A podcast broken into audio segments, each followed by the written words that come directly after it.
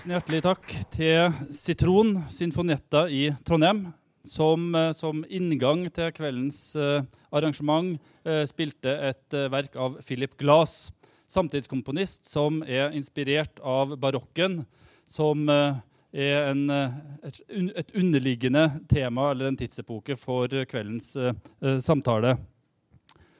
Eh, Det er veldig spesielt å stå her i dag, fordi eh, selv om vi har hatt eh, hundrevis av ulike bokbad og også masse lanseringer på Litteraturhuset i Trondheim, så, er kveldens arrangement veldig spesielt. Fordi det er en nasjonal lansering, eller en premiere, på Tore Renbergs nye historiske roman, som han har brukt over fem år på å skrive.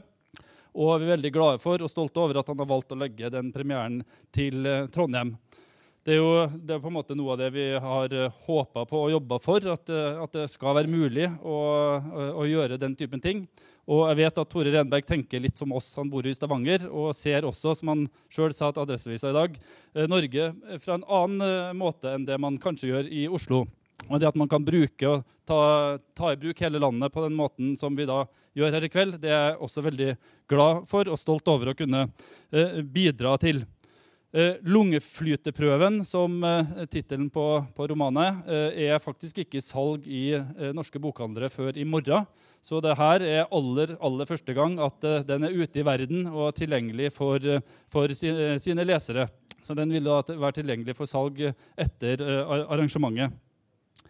Uh, mens vi står her, så, så er det allerede flere aviser som har trykt sine første anmeldelser. Eh, Adresseavisa har sperrefrist nå klokka 19 på sin anmeldelse, som eh, viser en sekser på, eh, på terningen. Eh, VG gir seks, Dagbladet gir seks, og Stavanger Aftenblad gir også seks.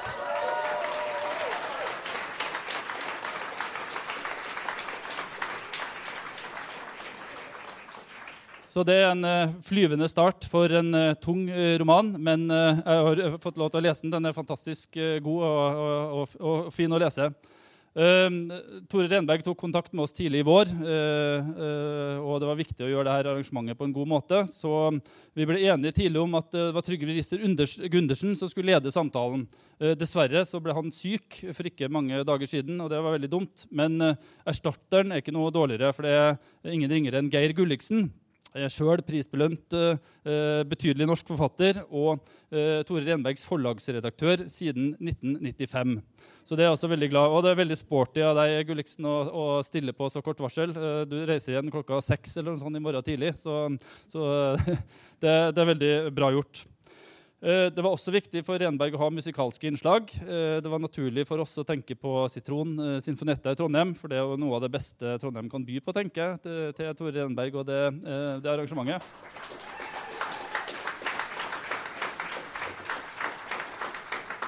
Og nå skal jeg jo innrømme da, at eh, Når det var snakk om musikalske innslag, så tenker jeg sånn at ok, da kommer det noen musikere og spiller et par sånne kjappe barokkting som de har på repertoaret, og så går det igjen. Men eh, både de og Renberg har faktisk holdt på her i hele dag og rigga og hatt lydprøver og alt mulig rart. Så den smakebiten dere eh, fikk først, det er ikke det eneste dere får høre i kveld. Det blir mer musikk, og det blir samtale, og det blir opplesning. Eh, så jeg, har ikke hørt programmet, så jeg er veldig spent, og det håper jeg at eh, dere er også. Eh, så med det, eh, kjære Tore og kjære eh, Geir, hjertelig velkommen til Diggs og Litteraturhuset i Trondheim. Scenen er deres.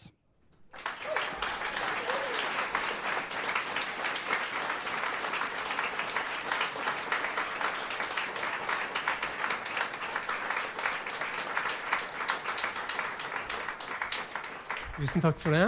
Har vi lyd også? Ja, det har vi. Ok. Hei, Tore. Hei, Geir. Jeg må Fi- bare svelge fire- Nei, ja, nei. Fire, fire ganger seks, hva er det da? Ja, Det, det, for meg er det mange hundre. Ja. Nei, jeg må svelge dette. Jeg skal bare si at jeg har kjent uh, Tore siden han var 22 år gammel. Og det skal vi komme tilbake til. Men uh, det, er måte, det er slett ikke der Det er slett ikke der vi begynner. Ja. Eller hva? Eh, jeg tror vi bare Se her nå. Se her nå. Ikke sant? Kjempe, kjempefin. Ja. Og så står det lungeflyteprøven. Og så står det 'forsvar for en ung kvinne som var mistenkt for spedbarnsdrap. Mm. Ikke sant? Mm. Ehm, hvorfor Hvorfor skjedde dette? Hva slags, uh, hvordan begynte Ja. dette her, Tore? Det begynte eh, det, du nest, det jeg tror ikke du vet, er at det begynte samme uka som jeg skrev et notat på mobiltelefonen min som er omtrent sånn som dette. Jeg er ikke med lenger. Vil De komme og spytte på meg? Vær så god. Jeg, jeg, jeg er tollagt Ingeborg, og jeg savner ingen annen. Det skrev jeg på mobiltelefonen den uka. Det er helt sant, det, Geir. Så jeg tar sånne notater hele veien. jeg da. Tar notater notater. Fem romaner i uka, så blir det ikke noe av det meste. Men samme uken, Geir, så, så, så satt jeg og måtte sette meg inn litt i rettsmedisin. For jeg skrev et teaterstykke som dreide seg litt om det feltet. Rettsmedisin, patologi og sånn som det. Og så leser jeg i et uh, historisk verk om rettsmedisin det følgende. Man kan som oftest, eller man pleier å datere starten på moderne rettsmedisin til 1681. Da fremførte dr. Johannes Schreier lungeflyteprøven for første gang, som reddet livet til en 15 år gammel jente. Så tenkte jeg Hei, hva er dette? Lungeflyteprøven. Er det Olav H. Hauge som har skrevet det? Altså, fantastisk fint ord. Og så sto det starten på moderne rettsmedisin, og jeg kjente at dette pressa meg litt opp i halsen. ikke sant? Hva er hva som skjer her? Og så sto det 'redda livet til en 15 år gammel jente'. De tre tingene. Dette, dette brenner jo. sant? Og så gikk jeg til Google, som man gjør, ikke sant? og begynte å lete etter dette. For jeg finner så lite. Tenkte det var skrevet mange romaner om dette og TV-serier. Finner så lite. Finner, opp, finner henvisninger til denne lungeflyteprøven, som vi sikkert kan snakke litt om i dag. I medisinske oppslagsverk. Men ingen forteller meg historien om denne 15 år gamle jenta. Hva er det? Så fortsetter jeg å dypgoogle. Fortsett bare mer om det medisinske.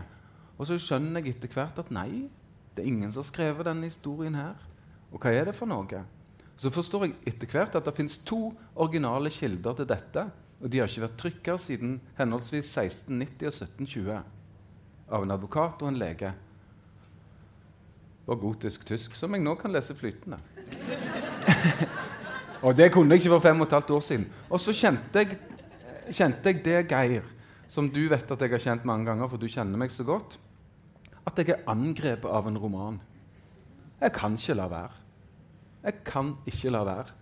Og det er et sånt moment Det kjente jeg samme uken med denne som ble tollagt.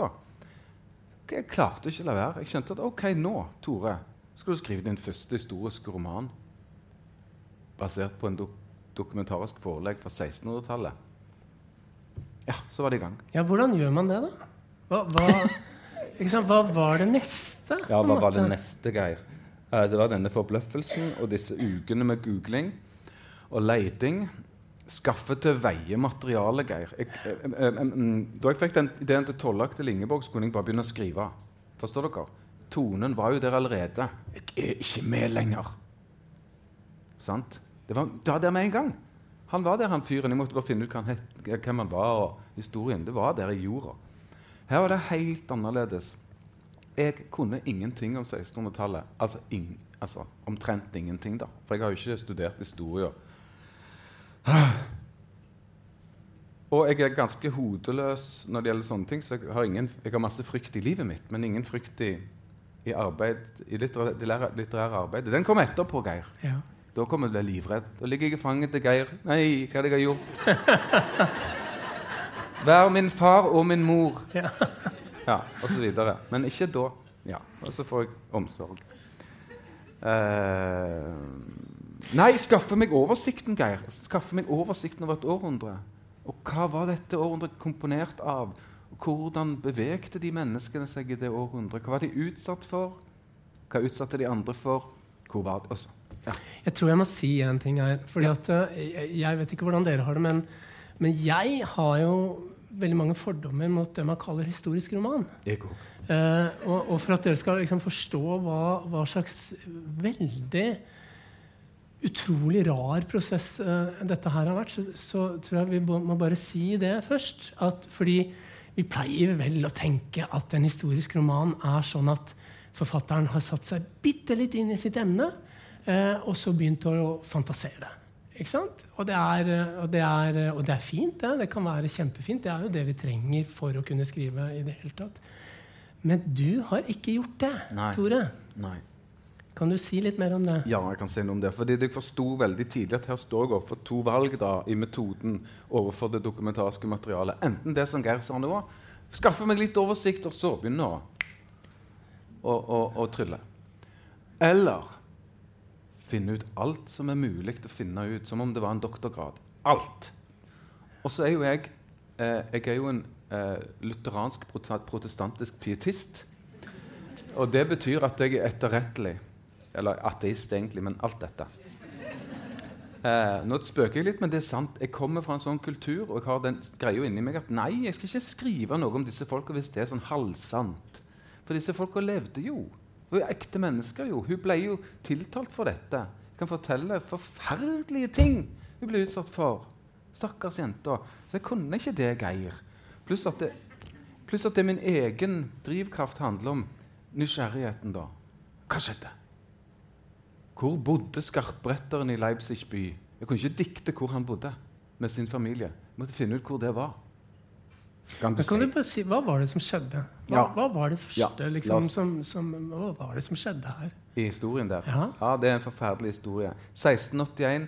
Saksen, altså Tyskland den gang, masse forskjellige stater. Det hellige romerske riket av tysk nasjon. Masse forskjellige stater. Saksen er en av de største. Der er Leipzig. Store Leipzig, handelsbyen, messebyen. Litt ut forbi Leipzig, på et gods, et herre, en herregård, stort, flott gods, der finner noen et dødt spedbarn nedgravd i en urtehage. Veldig fort begynner omgivelsene å hviske og tiske om hvem, som, hvem, det, hvem dette var sin unge. Jo, godseier-datteren. Veldig fort springer noen til presten og sier det har skjedd på godset. Veldig fort springer presten til amtmannen, altså lensmannen, kan du si, og det tårner seg opp. Og Anna Vogt, som hun heter, jenta er 15 år Det vet alle. Hun er i livsfare. Dødsstraff for spedbarnsdrap den gang. Helt heva over enhver tvil. Og de fleste ble òg dømt til døden. Og det som er vanskelig for oss å skjønne, er at øvrigheten, kirke og stat, de var gift den gang. Øvrigheten antar at du er skyldig. De er nesten helt sikre på at disse forferdelige kvinnfolk har begynt å drepe ungene sine. Det er veldig rart å sette seg inn i, men sånn var det. Det er, det er begynnelsen på denne historien. Altså En helt utrolig tragisk hendelse som det var forferdelig mange av før. Nå er det kanskje to spedbarnsdrap i året i Norge. Den gang var det fryktelig mange. Jeg skal bare gi litt statistikk her. Av 1000 fremførte saker for retten i Leipzig mellom 1550 og 1700 125 av dem er spedbarnsdrap. 12,5% Det er helt vilt. Så Det betyr at stat og kirke sprang etter de jentene. Sånn var det. Mm. Det er starten på historien. Gerd. Det er det forferdelige, tragiske lille. Før lungeflyteprøven kommer. Ja, jeg tror at øh, øh, Den må du snart fortelle om, egentlig. Mm. Men, men jeg har lyst til å spørre deg likevel før det. Uh, mm. fordi at uh, Jeg tror veldig mange forfattere som hadde kommet over dette materialet, uh, ville tenkt akkurat det samme som deg. Dette er en roman. Den, den, den må, fortell, det må fortelles. Ja. på en måte. Ja. Og så tror jeg ni av ti, eller kanskje ni og en halv av ti, eller noe sånt noe, ville tenkt ja, det gjelder det å fortelle Annas historie sånn som den så ut for henne. Mm. Men det er jo ikke egentlig det du har gjort. Eller du har gjort det også, men, men hva er det egentlig du har gjort? Du... ja, den ja? tanken hadde jeg òg Geir tidlig. Skal jo selvfølgelig innrømme det. Men så så jeg at alt er innvevd i alt. Det fins ikke et eneste menneske på denne jorden som ikke er innvevd i alt rundt seg. Og det betyr myndighetenes lover og regler. Det betyr alle relasjoner til presten og til læreren. og alt mulig, Så skjønte jeg at for å fortelle Anna sin historie, for det er fortsatt det jeg skulle gjøre, Geir, så jeg nødt til å ta med alt det andre og alle de andre. Så så jeg at dette prosjektet bare este ut i omfang for å skjønne hvorfor er det så farlig, dette her. Og hvorfor blir en godseierdatter tiltalt for spedbarnsdrap? Det skjedde aldri. Det var kun horene og tjenestefolket som ble tiltalt. Det var et tidlig mysterium. Hva var det? Så skjønner jeg at jeg kan ikke få svar, siden jeg er manisk opptatt av å få svar. Får ikke svar hvis jeg ikke inkluderer hele samfunnet og prøver å forstå alle mekanismene. Og så blir det fryktelig fascinerende da. Å skjønne alle sin posisjon.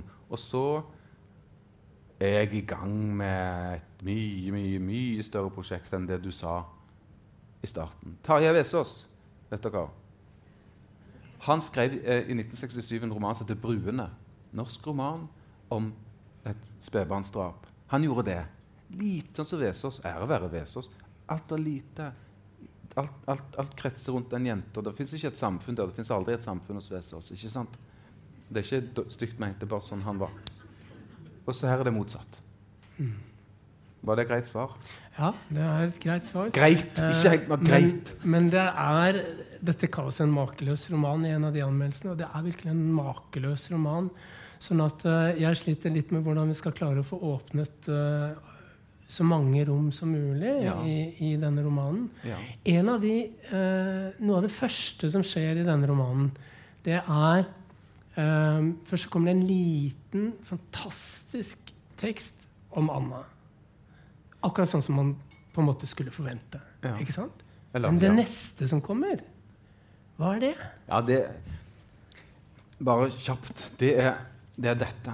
Det neste som kommer, er lovteksten 'Straff for kvinner som dreper sine barn'. De kvinner som har født et levende eller velskapt barn og dreper dette på hemmelig, ondskapsfullt, overlagt vis, blir vanligvis levende begravet og spiddet. Dette er, dette er den tyske loven. Dette er den tyske straffeloven av 1532. Og den har jeg inkludert akkurat den paragrafen som handler om spedbarnsdrap. Så det er en helt faktisk tekst, ikke sant? Eh, og det var et veldig fint grep for meg å ta inn. Det er rent sånn 100% dokumentarisk. da. Og det holder denne romanen på med.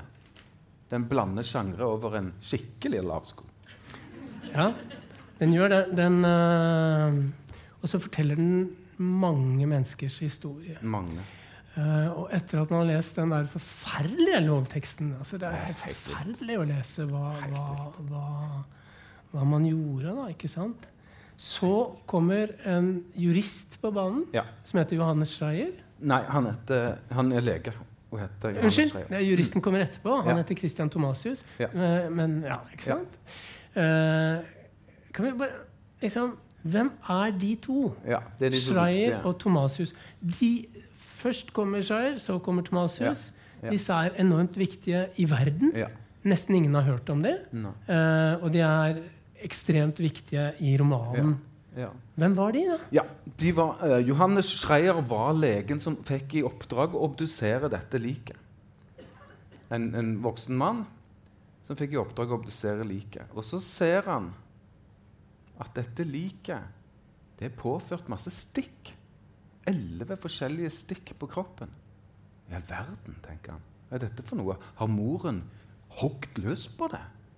Det hadde han ikke sett før. Galt. Altså, de pleier Jentene den gang, eller kvinnene den gang, de drukna det gjerne i priveten, som det heter. altså. Toalettet, da, eller de kasta det på elven. eller Det var færdelig sånne hjelpeløse, sørgelige ting. Men stikker det med elleve stikk? Derfor utfører han den lungeflyteprøven som Geir og jeg bygger opp til nå. Han var myndighetens representant innenfor medisinen her, rett og slett. Sant?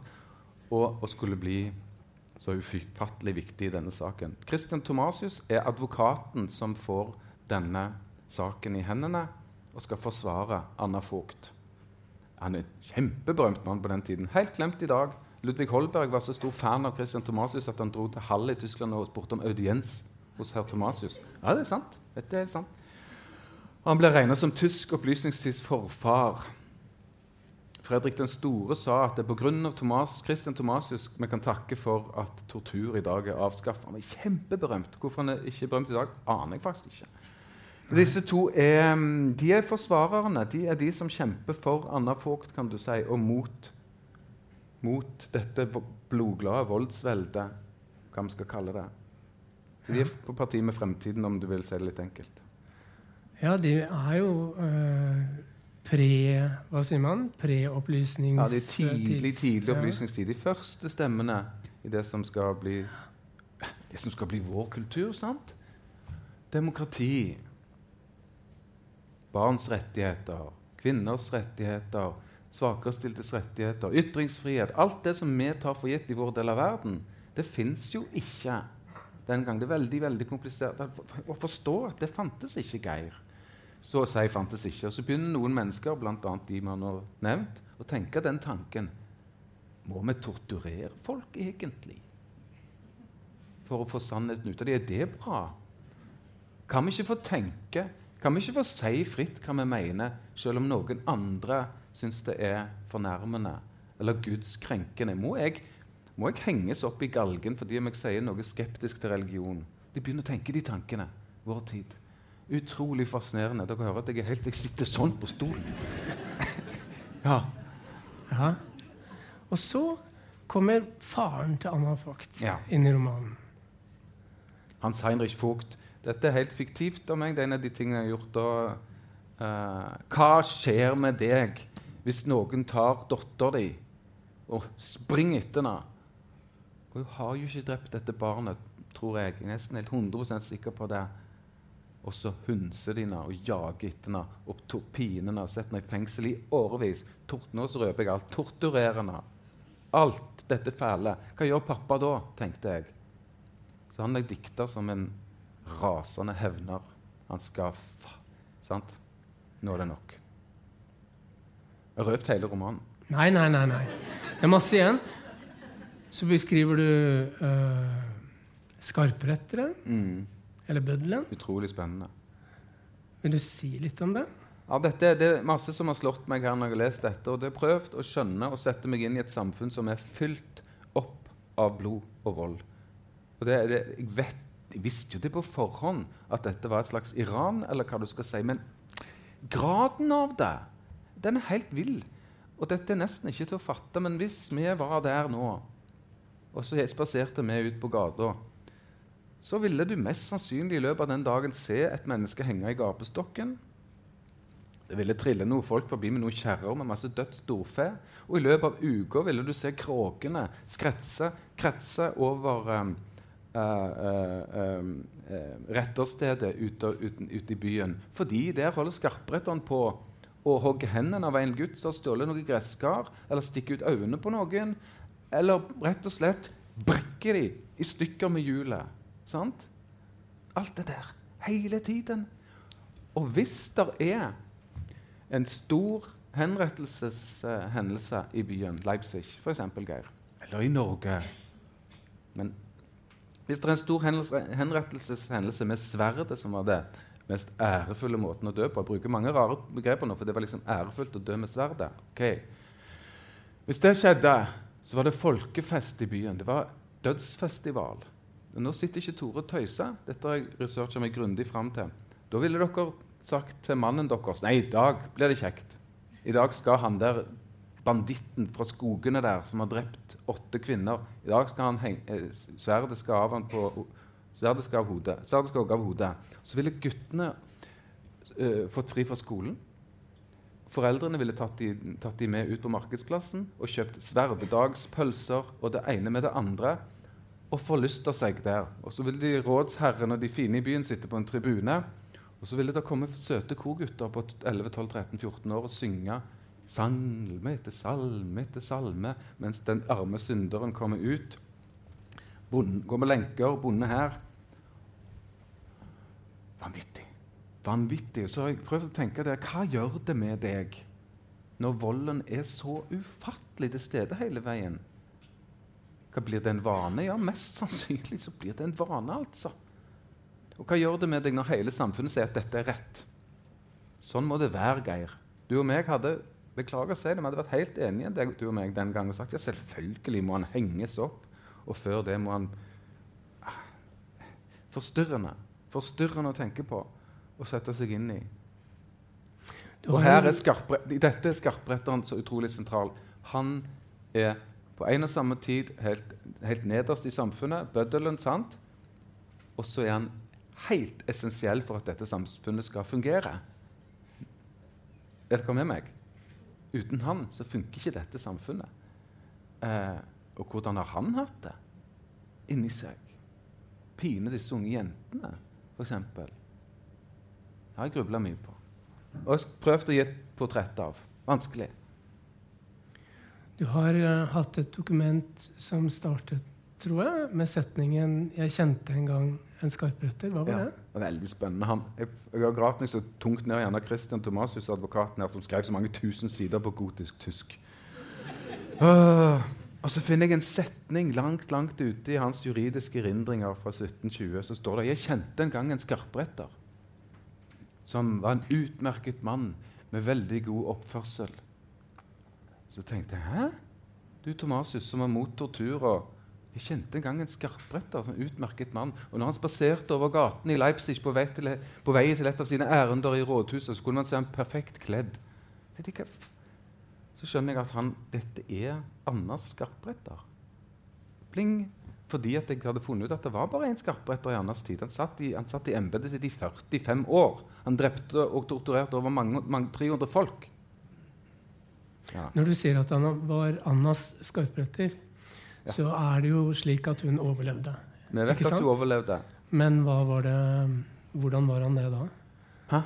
Han tok jo ikke livet av henne. Hva gjorde han da? Nei, han tok ikke livet av henne fordi at um, den gang så måtte du Dette er jo litt sånn vrengt, men for at myndighetene skulle få tatt livet av deg, og det ville de, så måtte du tilstå. Og for å tilstå, hva gjorde de da? De utsatte deg for tortur i noen voldsomme grader til tider. Og så hvis du sto imot torturen, så kunne de ikke dømme deg. Men sånn som de holdt på, så sprakk jo de aller fleste og sa det de ikke hadde gjort da, veldig ofte. Og nå snakker jeg som om ingen av kvinnene drepte barnet sitt den gangen. Det gjorde de. For de var i helvetes ulykker, og de visste at de kom i fengsel hvis de hadde vært eh, eh, lettferdige tøser, påsto folk. Så det, det, det er ikke sånn, men veldig mange var skyldige. Veldig mange. Eh, han blir satt til å utføre dette, Geir. Han blir satt til å komme inn og utføre torturen for å se om Anna Vogt har tenkt å sprekke. Eller si eller, for, Sett fra hans perspektiv innrømme dette du har gjort. Han, jo, han utfører myndighetenes ordre. Vi kan ikke vite hva han tenkte. Tore Renberg har forsøkt å sette seg inn i det. Hva han tenkte, for han er, han er Guds hånd, ifølge Luther. Ifølge denne staten. Så han utfører Guds mandat på jorden. Det er helt skrudd, men sånn er det. Vrengt, men sånn er det. Så det er det han gjør, Geir. Han torturerer en masse folk, og bl.a. Eh, Anna. da. Du, det er et eller annet med denne romanen, Tore, som, som eh, Hva er det jeg det, det ser ut som du har Unnskyld. Det ser ut som du har vært redd for å finne på. Ja. Artig. det ser ut som du har hatt en, en, en eller annen voldsom respekt Mm. for Anna og, og hennes historie. Materialet. Ja, Konteksten, historien. ja. Det har du rett i. Jeg har vært veldig redd for det. Og så har jeg vært eh, sånn at eh, jeg er sånn lagd at først når jeg vet alt dette, så blir jeg fri. Så kan jeg dikte personligheten til Anna og til doktor Johannes Schreier og Christian Thomasius, advokaten, og kona og skarpretteren og ungene og bom, bom, bom, bom, prestene og alt. Da kan jeg de begynne å leve, men bare når jeg er trygg. Bare når jeg er trygg på at jeg Nå vet jeg det, hvordan de, had, hvordan de levde den gangen. Men hvordan har du blitt trygg? Hva er det du har gjort? Nei, Kan du fortelle om det? Du har gjort enormt mye. Ja. Hvor mange ganger har du vært i Tyskland? Fem ganger vært i Tyskland. Og En gang var det en hel uke. Reist rundt og leita i kirkebøkene. Nei, de er brent. Når døde Anna? Kan noen fortelle meg det? Etter fire år så fant den tyske assistenten min som skrev Tore, hold pusten. Jeg har funnet testamentet til moren. Der står dødsåret til Anna. Sant? Tore sitter hjemme. Nå vet jeg det. Da kan jeg begynne å dikte. Hvordan døde hun? For nå vet jeg hvor gammel hun var når hun døde, osv. Alt sånt, Geir. Alt sånt, greier. Å lese tusenvis i sider. Tusenvis. Eh, men bare i glede. Altså, dette har ikke vært fælt. Det har vært fantastisk. Fantastisk stress, ja. Eh, Karsten Warholm har jeg vært. Har jobba på. Svetta kanskje, men bare i ja, dette, Du har sett Karsten Warholm, sant? Sånn. Føler meg sånn, egentlig. Uh, men strevsomt, ja, Geir. Ja, Men også med et enormt overskudd. Enormt overskudd, ja. Bare glede. Du var så vidt inne på det, fordi det er jo en roman som ja. Den inneholder uh, uh, faktiske dokumenter, den inneholder eventyr, den inneholder uh, sånne ballader. Skillingsviser og alt. Ja, skillingsviser, ja. Mm. den inneholder alle mulige rare typer måter å fortelle på. Og det er helt fantastisk gripende fra første setning til siste. Uh, jeg har um, Snart fortell om den lungeflyteprøven. Bare ja, ja, ja, men, jeg tror vi stadig vekk driver og liksom, bygger opp til den. ja. Men, uh, nei, men ta gjør det. Ja. Gjør det. Hva er det for noe? Det. Nei, det fantastiske her Det er mye som er fantastisk Mye fælt, altså. Men mye som er fantastisk her. Og det, det, er et moment her som gjør det kanskje mulig å redde Anna Vogt. Fordi staten og kirka tillater ikke det. Det. Hun er egentlig dømt. sant? Men så kommer han der legen og sier, 'Hør nå her.' Det fins en teori som aldri før har vært prøvd, og det er det følgende. Du åpner, du obduserer liket. Åpner det opp som en jakke, barneliket.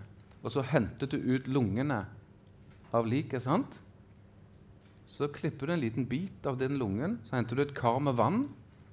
Og så plasserer du den lungebiten på vann. Nå vil ett av to skje lungebiten vil synke eller flyte.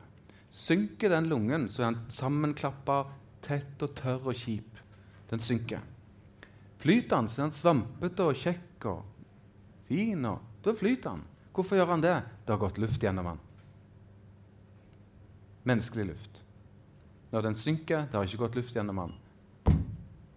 Det barnet var, kan umulig ha levd etter at det ble født.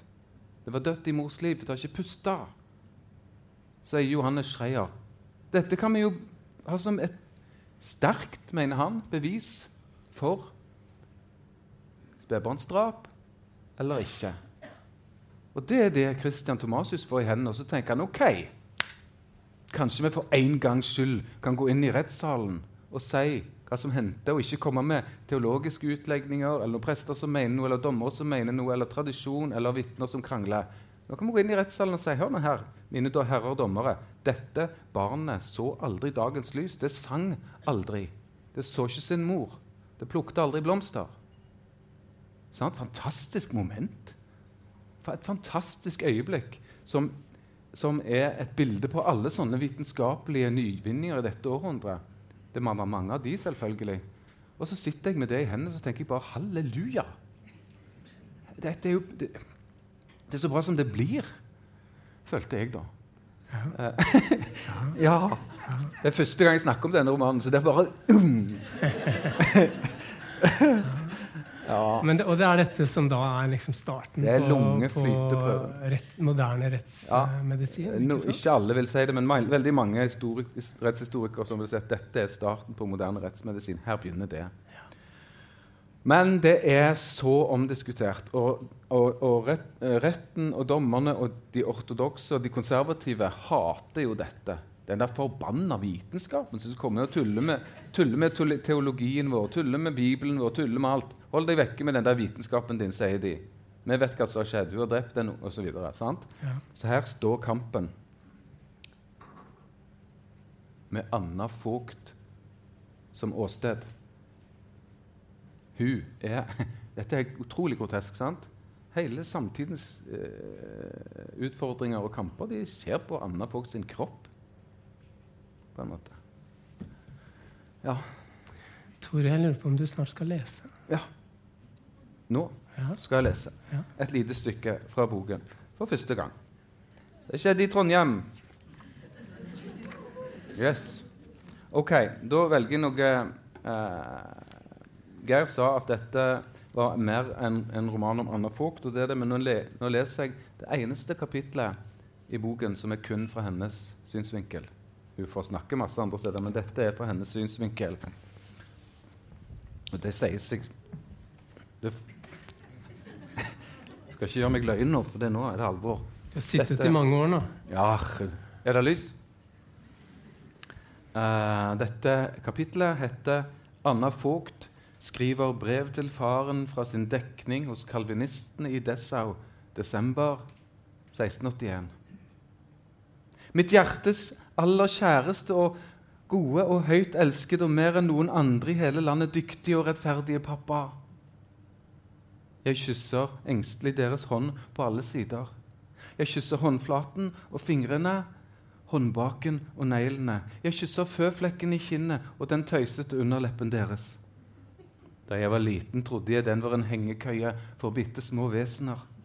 Jeg så for meg hvordan de spaserte der som små gnomer på reise i et mykt og bløtt terreng. Og så må de tilgi deres ulykkelige datter hennes skrekkelige håndskrift. De må synes den er barnslig og dum, og tenke at hun har glemt alt hun har lært, både av sin elskede mor, som sitter og ser på meg fra andre siden av rommet mens jeg skriver, og av dem, mitt hjertes aller kjæreste far. Sånn er det ikke, elskede pappa. Det er bare det at de har begynt å skjelve sånn på hendene. Selv om kalvinistene som gjemmer oss, er vennlige både med deres evig lydige datter og deres aller elskede kone.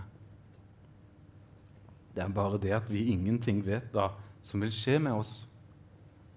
Det er bare det at Enchen er så redd. De kjenner alle i landet, de, pappa, og de vet råd.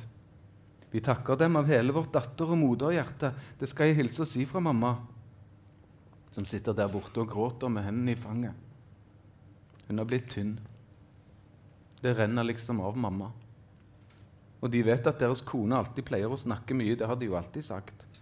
Men nå ville de ikke kjent henne igjen. Hun bare gråter.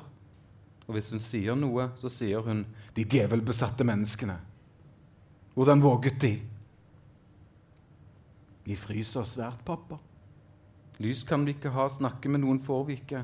Og tjenestepiken som kommer med maten, bare neier og sier det samme hver gang. Ta imot Herrens dypeste nåde, og vær stille så ingen hører dere fra gaten, og be om at dere er blant Hans utvalgte. Jeg vet ikke om vi er blant Hans utvalgte. Jeg er jo bare deres tåpelige datter. Men jeg gjorde ikke det grusomme de sier jeg gjorde. Jeg gjorde det ikke, kjæreste, dyktige og elskede pappa. Det vet de. De vet at Toffel trengte seg på meg. De vet at han snakket hodet mitt i stykker og kom med løgner og bedrag. Han sa jeg bare måtte ligge stille, hvis ikke ville han si til alle hvor lettsindig jeg var. De vet at jeg ikke er skyldig i noe annet enn å være dum. Så dum at de må skjemme dem noe fryktelig. Skulle jeg drepe mitt eget barn? Skulle jeg være en av de gudløse kvinnene som det er så mange av i landet, de som ondskapsfullt kveler sitt eget barn med halstørkleet sitt og gjemmer det i avtredet? De må få advokaten til å tro meg. Han er dyktig, er han ikke det, den store herr Tomasius? Han må få rådsherrene til å tro meg. Jeg vil bare ha, vil bare ha barnet mitt tilbake. Det var en liten jente, pappa. Hun hadde den tøysete underleppen til slekten vår. Og jeg ville kalle henne Maria etter mamma. Jeg ville bære henne inntil kroppen og gjemme meg i en gjeterhytte. Jeg er så lei meg aller hjertes elskede pappa for at jeg har påført en sånn fryktelig skam på navnet deres. Jeg vasket det vesle barnet mitt, pappa. Jeg fikk en mugge vann av Dorothea, og så vasket jeg det vesle benet hennes. Hva vil du gjøre med barnet, sa hun. Det er jo dødt. Jeg vil ha det for alltid, sa jeg. Husker du, pappa, da vi var i Leipzig i fjor? Da de skulle hogge hodet av den vemmelige tyven fra Halle? Husker de det, pappa? Hvordan skarpretteren gjorde seg bort og satte sverdet i skulderen hans og måtte hogge to ganger før hodet trillet av? Tenk hvis det blir sånn med meg. Jeg hadde alltid sett for meg at stygge Anna med kopper i ansiktet skulle få et fint liv, siden hun er datteren til Hans Heinrich Vogt. Det vet de kanskje ikke, men det hadde de alltid sett for meg. Jeg kysser deres ansikt og kysser deres hånd. Jeg legger ned pennen og lukker øynene. Tilgi meg igjen den dårlige håndstilen og at jeg har begynt å skjelve sånn, og for hvor dumt jeg ordlegger meg. Tenk så fælt at det bare døde der inni levende meg. Var det lurt av oss å rømme, pappa? Hvor er barnet mitt nå, pappa? Har det fått en grav? Kommer de snart til oss, pappa? Hvor lenge får jeg leve, tror de, pappa? Deres tjenende, dypt elskende datter Anna, Dessau, hos kalvinistene, desember 1681. PS. Jeg kan ikke sende dette brevet, sier mamma. Det er for farlig.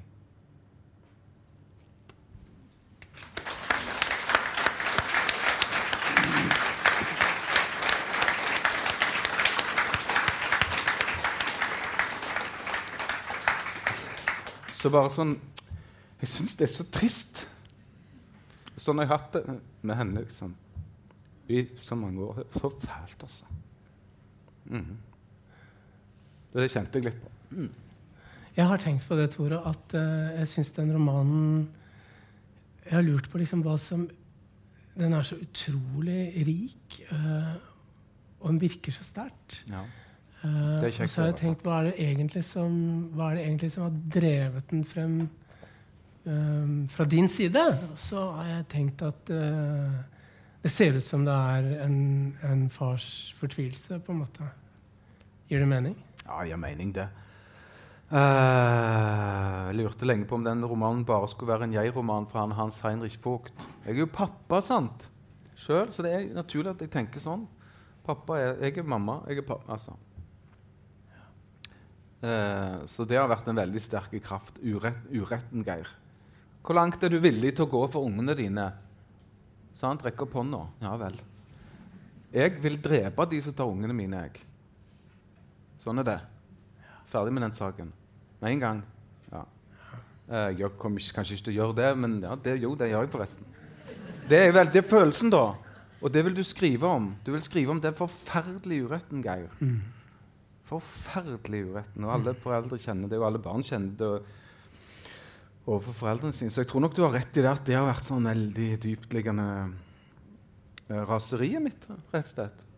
Så jeg har gitt han, Hans Heinrich noen egne eh, deler i boken hvor det bare er Sant? Anna, jeg kommer, Anna! Hevnens engel er her, Anna! Nå skal de ned, sånn. Han er helt der. Det er jo deler av romanen som er en hevnroman. Ja, ja. Det er fantastisk å lese. Hevn er fantastisk å lese om, i hvert fall når du skriver det. Fantastisk. Man kan tenke på sine egne ting, Ja. og så kan man tenke ja, ja, ja, ja akkurat sånn. Han sier det. Så godt det gjør å drepe, Anna! Ja, ja. Sant? Det kan jeg òg kjenne. Ja. Men det, det, er ment, det er ikke ment humoristisk. For en dag dette er for meg, altså. Jeg må få lov å si det. det eh, fem og et halvt år med dette. Jeg har aldri trodd det skulle skje, sant, Geir? At jeg skulle ha det der ah, det, Jeg har jo levd med det døgnet rundt, jo. Men det er en roman som jeg tror du kunne på en måte ikke tenkt deg frem til hvordan den skulle bli. Nei. Eller hva? Nei, Helt umulig. Du har helt rett i det. Jeg hadde ingen mulighet til å tenke meg fram til hvordan den skulle bli. Det måtte bare ta all den tiden, og det måtte finne den formen etter hvert. Sånn, det kunne ikke være den metoden til Tollak eller, eller hva det måtte være. Dette her tok all den tiden. Det var ikke sjans, sant? Og kunne ikke, kun, kunne ikke konstruere den i hodet på forhånd. Det var ikke mulig. Nei. Jeg tror kanskje du aldri har sett for deg at du skulle skrive en sånn roman heller. Nei, nei. Nei, nei. Men kanskje jeg aldri har gjort det. Nei, men du har ikke det. Altså Det har ikke det. Nei, det lurer jeg på om jeg, har, jeg aldri har gjort altså. Jeg bare kaster meg ut i det som jeg syns er helt ellevilt spennende. Ja. Da du, sånn. eh, da du begynte å skrive, Tore, så var du, sånn som jeg husker det, en, en uh, ung mann, uh, nesten uten hår, uh, for det skulle man ikke ha på den tiden, og med veldig sterke meninger om, om, om litteratur og hva litteratur skulle være. ikke sant? Eh, og så lurer jeg på, hva er det som har skjedd med deg hva er det som, er det som har skjedd med deg menneskelig sett? Hva, hva skjer? Mm. Eh, nå har du skrevet lenge. Du har skrevet, ja, har skrevet siden, Ja. altså du er utgitt siden 1995. Ja. Hva har skjedd eh, Hva har det gjort med deg? Går det an å spørre om det? ja um, Jeg beundrer litteraturen, da. Altså sånn helt skikkelig beundrer litteraturen for det den kan gjøre for oss og med oss. sammen. Ja, altså Det beundrer jeg fordi jeg mener det er så rikt, men det er så viktig. Så det, det, det gjør jeg. Um, det var ikke svar på spørsmålet bare jeg måtte si det. Um, um, jeg syns det har gjort meg rikere, Geir. Det innbiller meg at det har gjort meg rikere. Og etter hvert som årene går Det kan jo bare med å bli voksen, da. At det har gjort meg sånn mer Jeg dømmer nesten ingen mennesker lenger, Geir. Det er vel det. Og det er Før i tiden så elsket jeg å dømme alle. Elsket det fra morgen til kveld. Nei, nå skal du høre her. Ja. Ikke gå rundt og lik George Michael, da. Nå elsker jeg jo George Michael, selvfølgelig. Sånn holdt jeg på. Og det gjør jeg ikke lenger. Jeg klarer nesten ikke å dømme et eneste menneske. Jeg dømmer ikke skarpretterne. Jeg forstår hvorfor samfunnet skaper han. Handlingen hans, som han er satt til å gjøre, er opplagt. Det kan jo gå over alle støvleskaft, men jeg tror kanskje det er det beste svaret jeg kan gi deg uh, her. Ja, og det portrettet ditt av skarpretteren er jo veldig Det er en varme i det. En veldig varme i det. Man får respekt for ham. Ja, dessverre, holdt jeg på å si. Ja. Jeg kan ikke tro noe annet enn at han Ja, det får dere lese, og så får dere sende meg et brev og si nei nå, Renberg. Gikk du for langt igjen? ja. ja.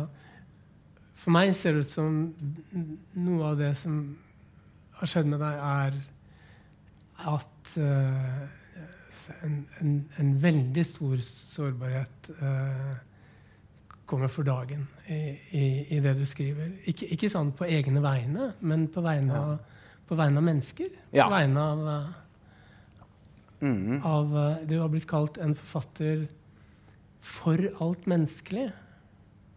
Jeg vet ikke om noen andre forfattere som har blitt kalt akkurat det. Det er veldig bra. Eh, det, men, det. Ja, men det føles så veldig veldig sant. Og etter denne romanen enda sannere. faktisk. Jeg har en metafor, da. Som at jeg har lyst til å ta alle menneskene og så legge de inn på sykehuset mitt. Kom, kom. Se her er en seng til deg. Jaha, har du podagra? Se her er en seng til deg. Å, akkurat er det menopausen. Å, her er en seng til deg. Er du bare litt lei i dag? Og her er en seng til deg. Ja, du er manisk. Kom, kom. Jeg heter litteraturen. Jeg kan ta imot deg. Jeg er det eneste stedet i verden som ikke dømmer deg. Tenk på det. Hæ? Ja, sånn er det.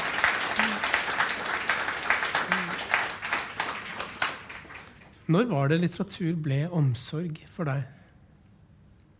Det, eh, når jeg ble klar over det Geir. Det kan jeg kanskje ikke helt uh, Men jeg ble klar over det med den romanen som jeg syns er uh, nest etter denne, for den er jo selvfølgelig liksom, Jeg har ikke gjort dette før, men den romanen som heter 'Du er så lys', da, som jeg har skrevet, som jeg syns er liksom klokkerein. Den spiller like bra som det sitron gjør. Den spiller bra, altså. Og da kjente jeg at jeg tok meg av de folka.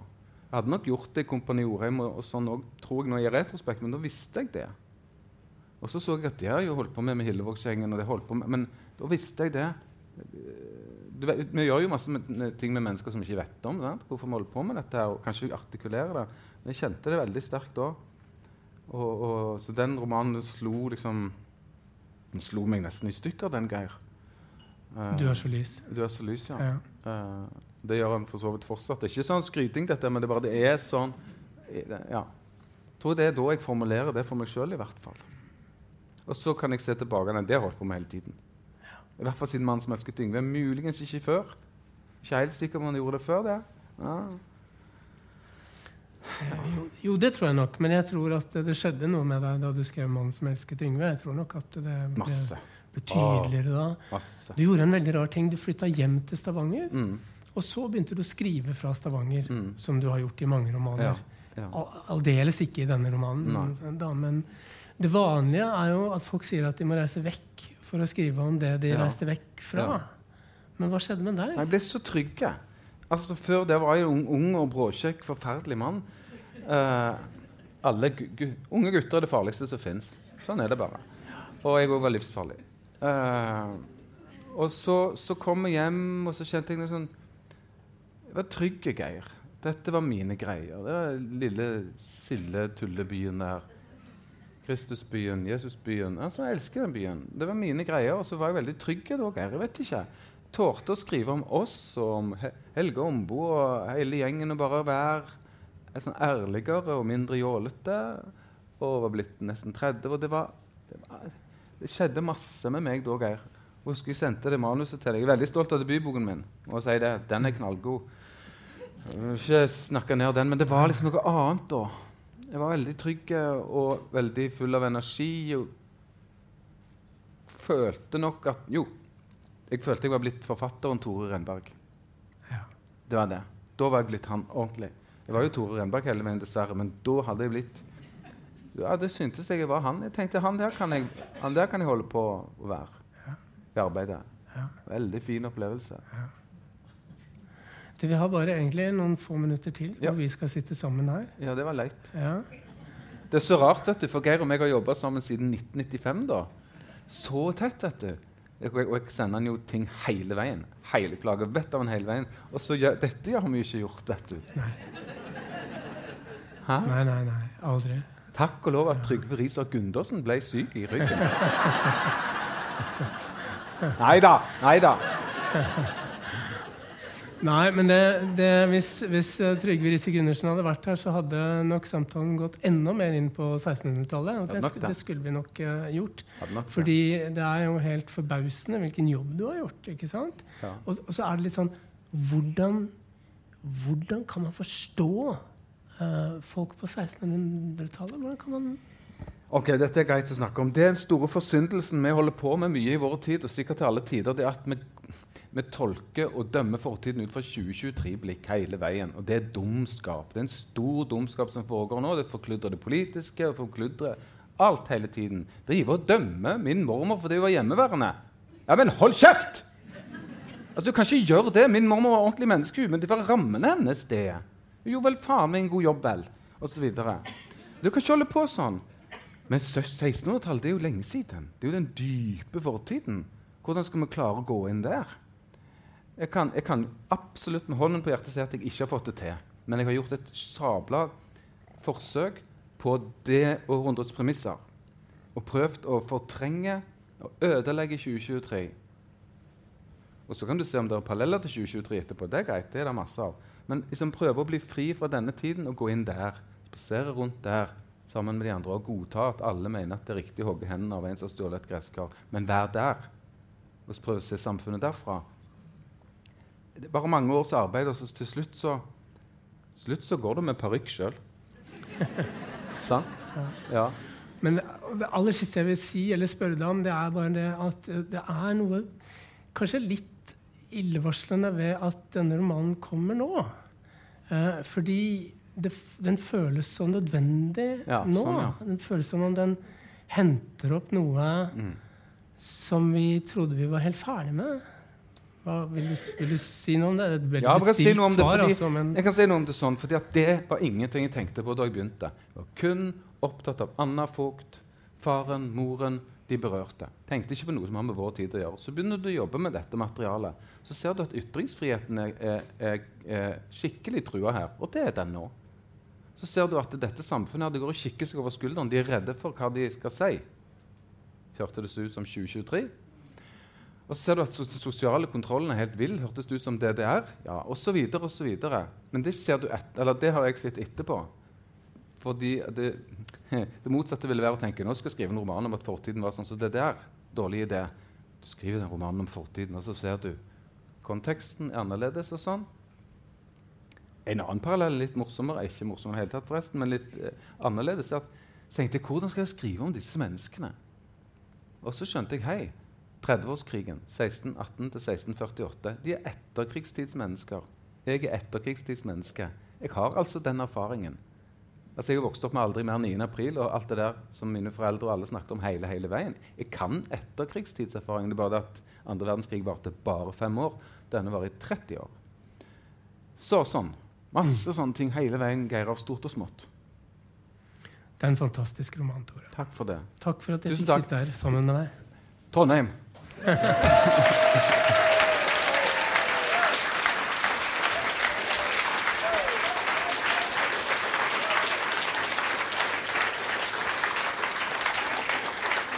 her.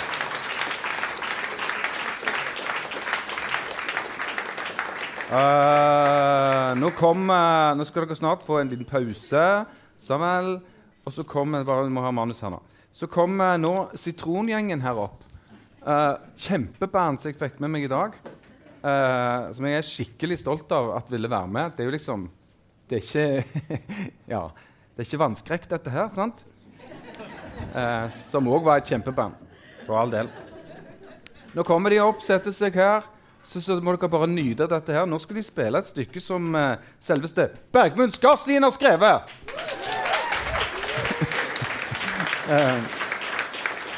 Han, eh, han, eh, han, kalte dette for meg så kalte han dette en skakkevals.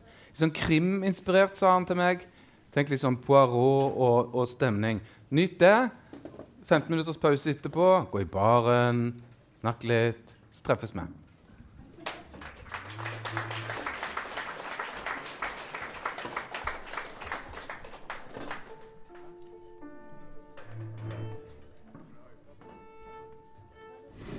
Det var fantastisk å høre eh, Tore fortelle litt om eh, forfatterprosessen med det, den boka her. At Noen ganger så starter det kanskje bare med at han har en setning, og så finner et frø i en gammel historie. eller Eh, og den, faktisk den valsen her, den, selv om den er kort og er litt sånn spenningsaktig, så er den skjør. Men den, den bygger på fire toner som kom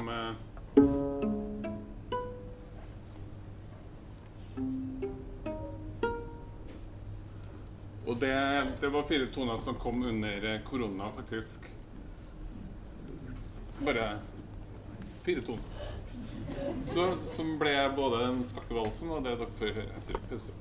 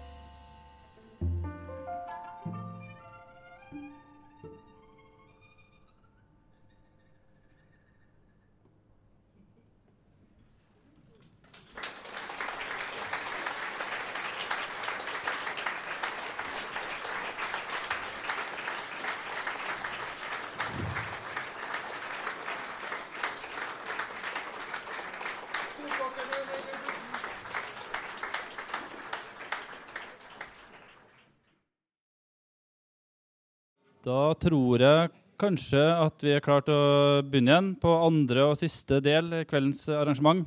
Eh, jeg sa jo innledningsvis at uh, Sitron uh, Sinfonette Trondheim er noe av det beste Trondheim kan by på. Og det, det mener jeg. Og det har jeg inntrykk av at Tore Renberg og Geir Gulliksen er enig i. de skal åpne den siste del nå. men jeg vil bare si at Sitron Sinfonette Trondheim består av Else Bø på piano, Trine Knutsen fløyte, Rik de Geiter klarinett, Bergmund Wold Skaslin Bratsch, Marianne Baudouin Lie på cello og Espen Aalberg på slagverk. Så en applaus til dem. Og med det gir jeg ordet til Bergmund Skaslin, som skal introdusere uh, neste nummer. Tore ville at jeg sa noe veldig kort om eh, komposisjonen her, hvorfor vi valgte den. Og det er fordi at det, det er et stykke som heter 'Reflections', som har eh, gått gjennom ulike faser. Det ble en gang skrevet som første skisse til en, en utstilling om udødelighet. Og det var da utstilling, så det var tverrkunstnerisk. Og um, et eller annet når du skriver et, en komposisjon til, til, en annen kunstart, så kan det kanskje av og til passe til en roman òg. Og det jeg begynte å tenke på, var kanskje at det her um, For det, de stemningene som er i det stykket her, eh, det er akkurat som at det er en handling som pågår. Kanskje så starter det med det som er inni hodene på folk. Kanskje det starter med mørk mistanke. Hvordan er det å være mistenkt? Og skjørhet, nerve og rettssak og mange ting kan assosieres inn i den musikken her, men den historien lager dere i deres hode. Renberg Reflections.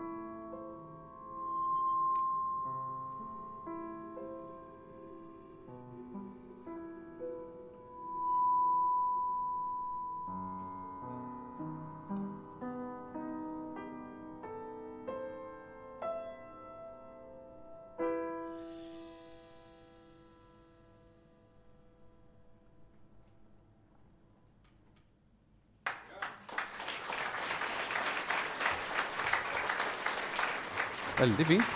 Eh, hør nå her. Eh, når du skal sette deg inn i en tid, sant? så oppdager du fort det vi snakket om før pause. At du må For å få noe i nærheten av en slags total opplevelse av dette, og det går ikke an, men du prøver, så må du ta alle fasettene. Sant? Kan ikke forstå 80-tallet uten, uten nevnte Wam. Enten du liker det eller ikke. Det er ikke mulig. Sant? Og det, for, Sånn er det jo selvfølgelig med 1600-tallet òg. Du må sette deg litt inn i barokken. Og det har jeg da gjort. sant? Jeg spilte jo fela når jeg var unge, så jeg kan litt av det, men barokken visste jeg aldri mye om. Og så er det veldig rigide musikk, samtidig som er veldig fri innenfor det systemiske. Og hvor de ornamenterer det på. Ganske jålete musikk, veldig følsomme. Sant? Masse religion her ute og går. Så da tenkte jeg nå drar vi nå drar vi litt gjennom århundret her sammen. Sant? Det er dere med på. Så endte vi inn en sånn god gjeng. Sirkusorkesteret. Eh, og så ser vi hva vi kan få til. Så vandrer vi litt gjennom århundrer med litt forskjellige temaer. og det blir dere med på. Og så har jeg bedt, sa jeg sånn, ber jeg på mine knær da, Bergmund og de, kan dere spille? Jeg har en sånn favoritt som jeg, jeg syns er så fin at jeg nesten ikke vet hva jeg skal si. Og det er sonate i det av Domenico Scarlatti. Og de skal jo da spille den på sitt vis, ikke sant vel? Så nå sitter jeg der bak og feller mine barokke tårer. Og så bare nyter dere det, vet du. Nyter det, vet du.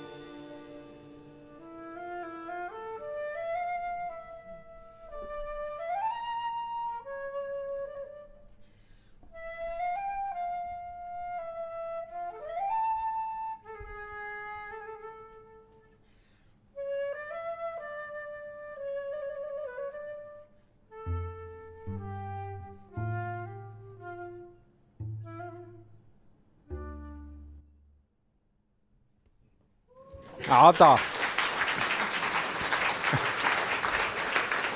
Altså Kjære venner i Trøndelag. Kunne dere høre håpet? Kunne dere høre hvor dette kommer fra? Det er en jålete tid, ja. Men hørte dere håpet her? Drømmen om fred? Ikke sant vel? Drømmen om en bedre verden. Dette er som nevnt 30-årskrigens århundre. Det er så elendig. Hungersnød, pest og sult og død. Og denne krigen over det hele. Og så skriver de denne utrolig Sant? Skriver denne utrolig lengtende musikken. til å grines. 'Kom og tørk meg opp fra gulvet, mamma!' Sant? Ja. Sånn er det helt fantastisk. Um, 30-årskrigen kunne, kunne Tore holdt et foredrag om veldig lenge. Skal ikke gjøre det, Men det ble selvfølgelig skrevet masse musikk som handla om den. Det er helt uunngåelig. Og en kar som heter Jean-Baptiste Tully, eh, skrev en tyrkernes eh, inntogsmarsj. Er det Tyrkermarsjen kaller man kanskje ofte. Og dette er sånn en klassiker, en hit fra 30-årskrigen. Og nok en gang sirkusorkesteret mitt skal spille sin dere vet hvor gode de er, versjon av dette.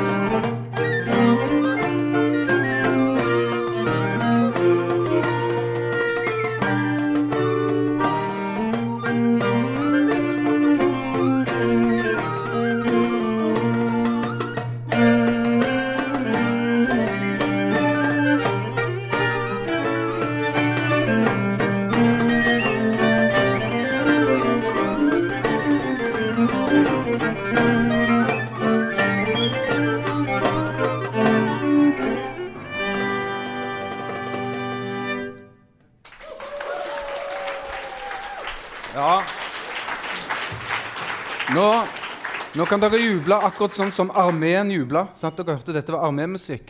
Her har Tully stått i 1670. Han var krigsbarn da, født under krigen. Han har sett dette her. Armeene, de rullende armeene. man kalte de for, uh, for uh, rullende byer. Og når, dere må se for dere hele befolkningen omtrent som kommer marsjerende inn. Her kommer tyrkerne, da. Sant? Nå er det jækla gang her. Fæle greier, altså. OK. Vi skifter nå stemning til den store tragedien en helt forferdelig brutal og merkverdig tradisjon denne gangen, som nesten ikke er til å tro på, det er at den dødsdømte ble satt til å synge sin egen sang når han eller hun skulle henges eller drepes. Armesynderens sang. Det er helt, dette er helt vrengt for oss, men sånn er det.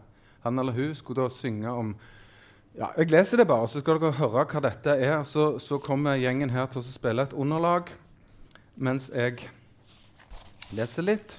Og litt før. Og, litt før. og dette er jo et, eh, et, underlag som er et arrangement av den salmen som ble brukt den gang til akkurat denne. Og det er altså 'Hvor ene lader Herren råde', arrangert av en kompis av meg fra Stavanger som heter Anders Brunvær Hauge. Og tittelen er 'Den stakkars barnemordersken Marien Dorotheen Költzins armesyndersang' 26.10.1764, Leipzig, idet hun skulle halshugges og legges på hjulet.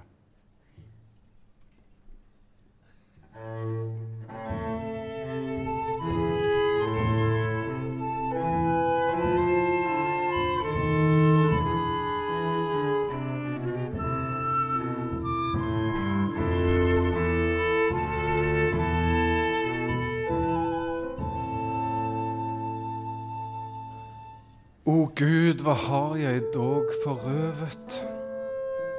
Snart slår den siste times slag. Da blir min sjel av døden røvet. Jeg får min rette lønn i dag, men all min tillit setter jeg til Jesus, for han svikter ei. I dag skal bloddunst fra meg stige blod som var fylt av hevnlyst før. Dommen er felt, den endres ikke. Blodskylden er så tung en bør. Lytt, ung og gammel, så du vet, slik lønner Gud hevngjerrighet.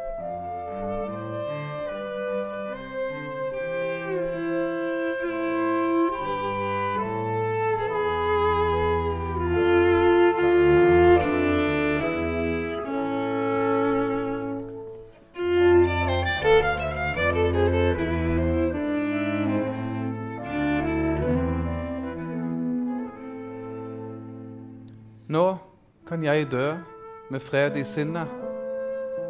Skill kun hodet fra kroppen av. For bare jeg Guds rike vinne, kan gjerne hjulet bli min grav. Til Jesus kaller med sitt ord, stig døde opp av gravens jord.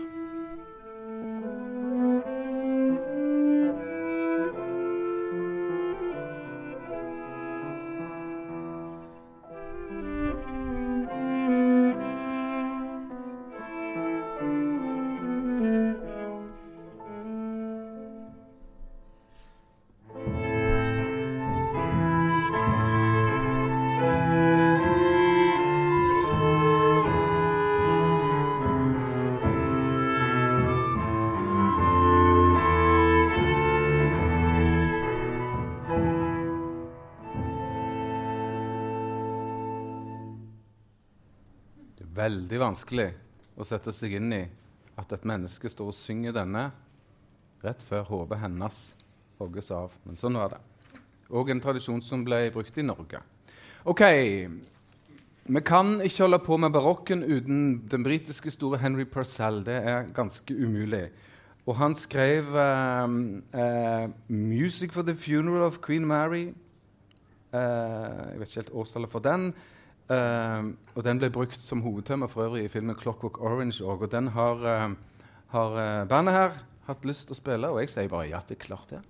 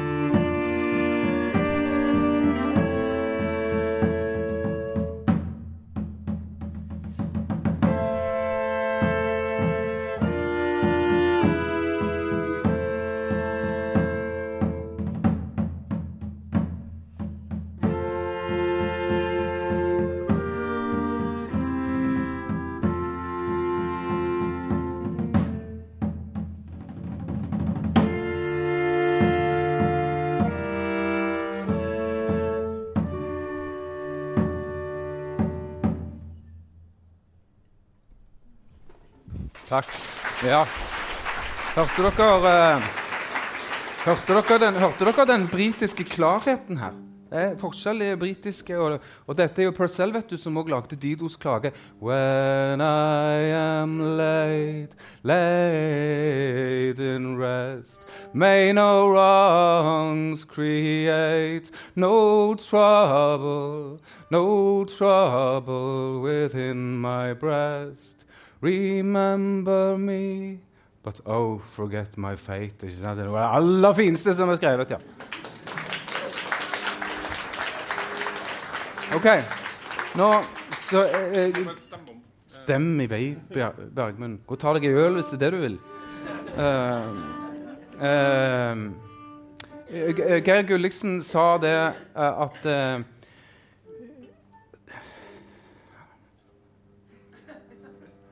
Sa det at eh, Bergmund kan stemme når jeg snakker, kan han det? Ja, ja. Eh, Geir Gulliksen sa det at eh, jeg har brukt mange forskjellige litterære former i denne romanen, og det har jeg gjort. og et uh, dikt har jeg tatt med som jeg ikke har skrevet sjøl, som ble skrevet av eh, den store salmedikteren Andreas Gryfius i 1637. Han var dette er, dette er midt under krigen, og dette er håpløshetens Dette er bånnivået. Jeg tar det bare med for å liksom illustrere hvor de var så redde. De hadde gitt opp. Og nå skal jeg resitere Andreas Gryfius' 'Menneskets elendighet'. Bare for at dere skal være med inn der og kjenne på denne her. Hva er det vi har gjort? Stemningen. Så nå er det, er det, er det litt fri, fritt underlag fra meg og Eller fra Bergmund og meg. Nå Kan dere være stille og kjenne?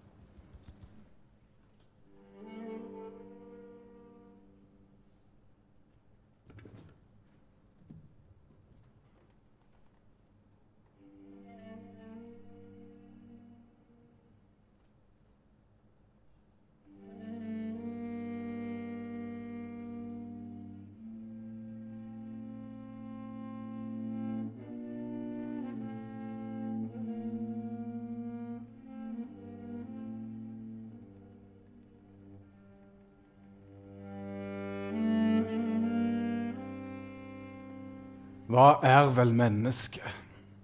Et hus bebodd av smerte. Et knippe falske gleder, en tidens lyktemann. En skrekkfullt skueplass for pinens sterke brann. Vi smelter raskt som sne og slukner som en kjerte.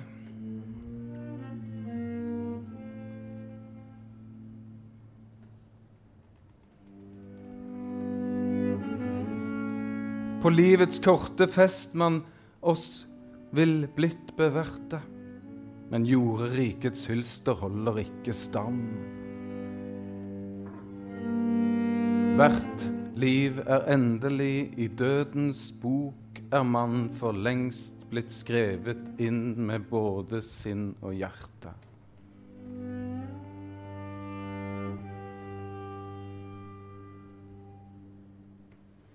Slik en unyttig drøm så lett fra minnet brast.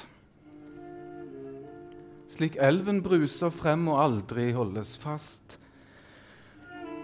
Ser vi at våre navn, vårt ry, vår makt forsvinner.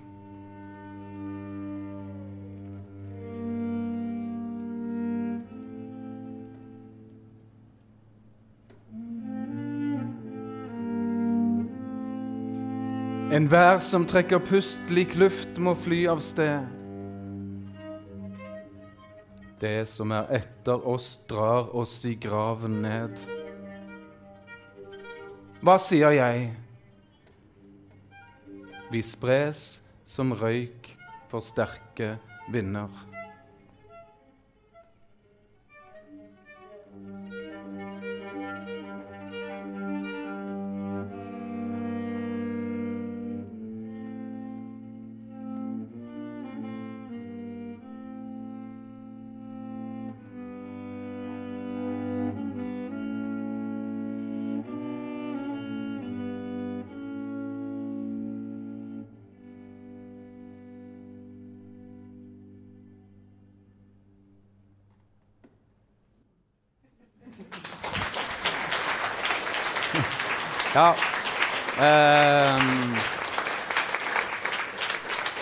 Barokken, barokken er kontrastenes tid. Her går lyst og tragedie, og alt går i sammen hele veien. Det er utrolig spennende, og det skal vi holde på med i dag. Så nå går vi lekende lett fra dette til Ikke Bach, faktisk. Og det er jo litt rart å komme her uten Bach, men vi kommer med Hendel.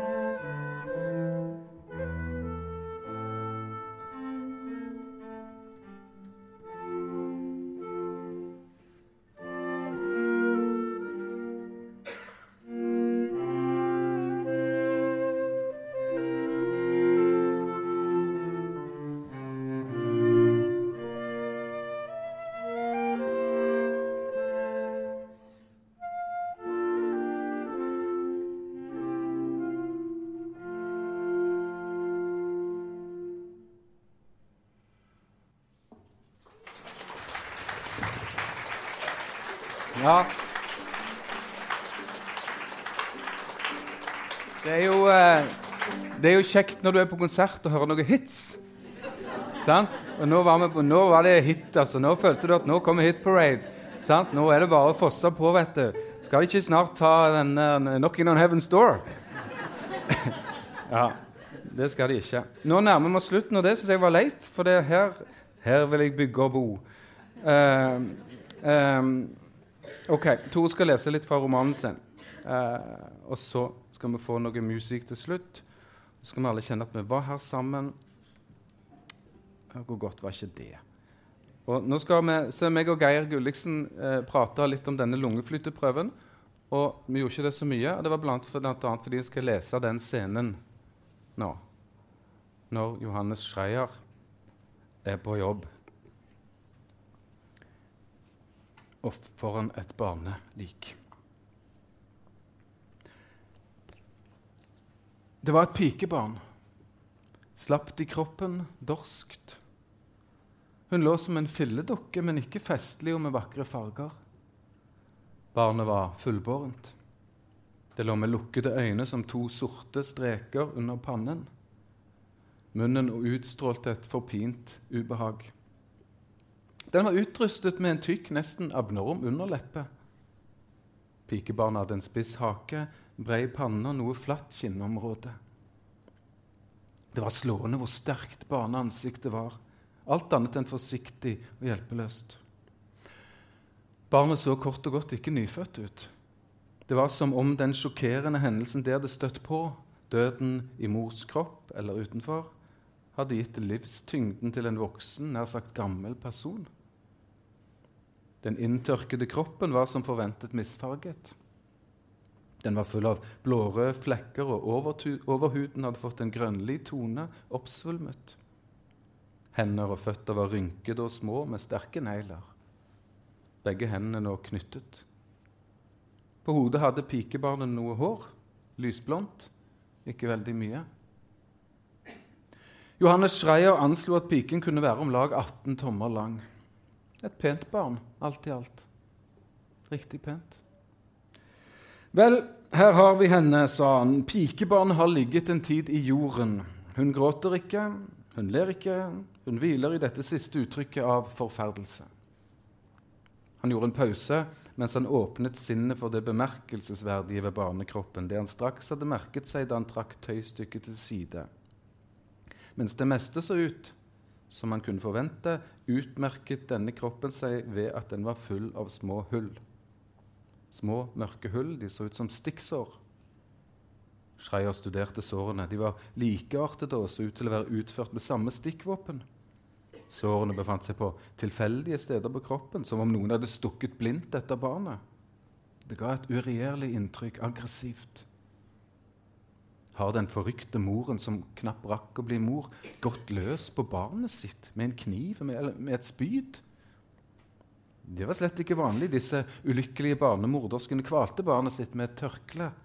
De kastet det i priveten, de druknet det i elven. Slike fortvilte ting. Mange barnelik hadde han holdt i hendene, og de fylte ham alltid med pietet. De var åsted for at arbeid Schreier var satt til å utføre, men noe slikt som dette hadde han aldri sett.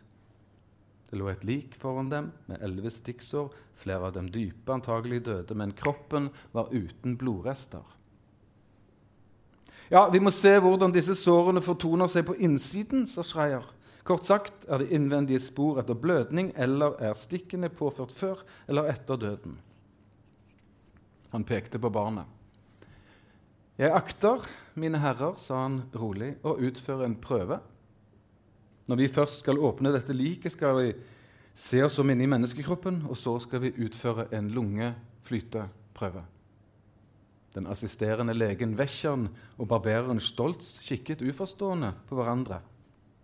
En hva for noe? kom det fra amtmann Walter. Det fantes en prøve. Riktignok eksperimentell, riktignok latterliggjort av teologer og jurister av den gamle skole, som kunne avgjøre hvorvidt barnet døde før fødselen og dermed aldri hadde levd utenfor mors liv. Det var kjent at i livmoren mangla foster og pust.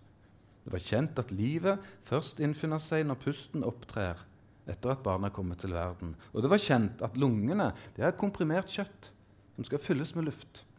Og hvis de får luften sin, så vil de svelle opp som svamper. Og, de, og hvis de legges på vann, vil de aldri synke mot bunnen. De vil flyte. Og det var kjent at hvis lungen flyter på vannet, så følger det at den samme lungen må synke i vannet om luften ikke har gått gjennom dem. Schreier gikk frem mot bordet hvor liket av barnet lå, og han tenkte Så, hva blir det? Synke eller flyte? Leve eller dø, unge kvinne? En fire-fem tommer lang bit av navlesnoren hang igjen på magen til barnet med rutinerte hender. Man skulle tro han var skarpretter. Løftet barbereren snoren slik at han fikk dratt opp huden og gjort det romslig nok til å lage et snitt. Han grep den groveste av saksene, og mens han holdt huden løftet, stakk han saksemunnen til skinnet og punkterte det. Han laget et snitt, klippet seg opp langs overkroppen gjennom det kyllingaktige brystbeinet. Når han hadde kommet opp ved halsen, klippet han seg ut langs kragebenene før han la saksen til side og åpnet liket, som han åpner en jakke. Ja, meget godt, herr Stolz, sa Schreier og tok et skritt fram. Dette har de naturlig håndlag med. Bak ham kom amtmann Walter snikende.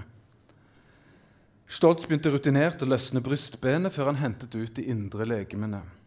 Han snittet dem løs, den store leveren, tarmene, de små nyrene, burgunderrøde, puddinglignende, strupehodet, tungen, roséfarget, og til sist la han fra seg på bordet lungene og hjertet. Lungene lå så fine på hver sin side av det hjelpeløse hjertet. Et bilde steg fram i Schreier, det bildet han hadde fått for seg første gang han så noe slikt for flere, flere tiår siden. Det hele lignet en sommerfugl. En fremmedartet sommerfugl. Eller en artig liten drage. Lungene var kompakte, de var sammenklappet. Schreier nikket til Stoltz og ba han løsne lungene ved portene. Barberen løsnet dem og eksponerte det gammelrosa fargede hjertet. Nå kom det fra mannen. Schreier ignorerte ham og betraktet igjen lungene. Ikke tale om. De hadde ikke ekspandert. De var ikke blitt kjekke og luftige. Henta de et kar, Stoltz, sa han, og så fyller de det godt med vann, er de snill. Hva er dette for noe trolldom? kom det fra amtmann Walter. Ja, det hørte jeg slett ikke, sa Schreier skarpt og like etter kom Stoltz tilbake med et kar som han plasserte på bordet. Vil De være så snill å klippe løs en liten bit av den ene lungen? sa Schreier. Stoltz gjorde som han sa, og Schreier mottok en bit av lungen. Han kjente på den fast, litt tørr, ikke lenger så glatt som den ville være om barnet var ferskt. Godt, sa han og leverte den tilbake til barberen. Og så kan de legge biten på vannet.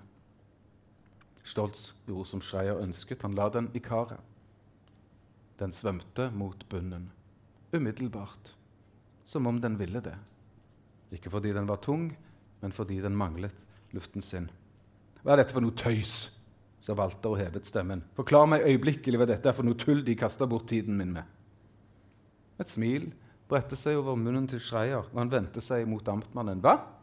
Eh, jeg tror de sa noe, herr Walter. Jeg fulgte visst ikke helt med. Så de hva som hendte? Noe luft har aldri gått igjennom disse lungene. De har aldri fått blåse seg opp slik at de kunne flyte på vannet. Jeg Hva heter hun? Amtmann. Hvem? Moren, sa Schreier. Moren til det stakkars pikebarnet. Hva heter hun? Ja, Anna, sa amtmannen irritert. Hun heter Anna Vogt. Anna Vogt, sa Johannes Schreier, er kanskje skyldig i alt slags horeri, men hun er ikke noen barnemorderske, ikke ifølge vitenskapen. Skal retten hogge hodet av folk, så får de gjøre det med de skyldige. Dette barnet fikk aldri se sin egen mor. Hvorfor frøken Vogt har gått løs på det og påført kroppen elleve stikk, det kan derimot ikke vitenskapen si noe om. Og Det får bli opp til inkvisisjonen å avgjøre. Det er det som er deres jobb, Walter. Og så holder de dem til den. Amtmannen trampet i gulvet. Denne vitenskapen deres, sa han. Den får vi se hva retten har å si til. Denne jentungen har drept barnet sitt. Og de er en trollkarsreier, og det kan koste dem dyrt. Jentungen skal druknes, henges, halshogges. Walter marsjerte ut av rommet. Stort hode på en liten kropp. Schreier viftet med hånden etter amtmannen. En hissig type. Vel, sa han, vårt arbeid er slutt her. Vitenskapen har talt. Lungene sank. Denne oppsiktsvekkende dagen i Johannes Schreiers liv, som kan ha forløpt seg slik jeg har sett den for meg, eller ganske annerledes, skulle gripe dypt inn i Anna Vogts liv. At den samme dagen innvarslet starten på moderne rettsmedisin, det skulle doktor Johannes Schreier aldri få kjennskap til. Han var uvitende om at han var en tidlig aktør i en bevegelse som skulle vokse seg stor opplysningsbevegelsen. Takk.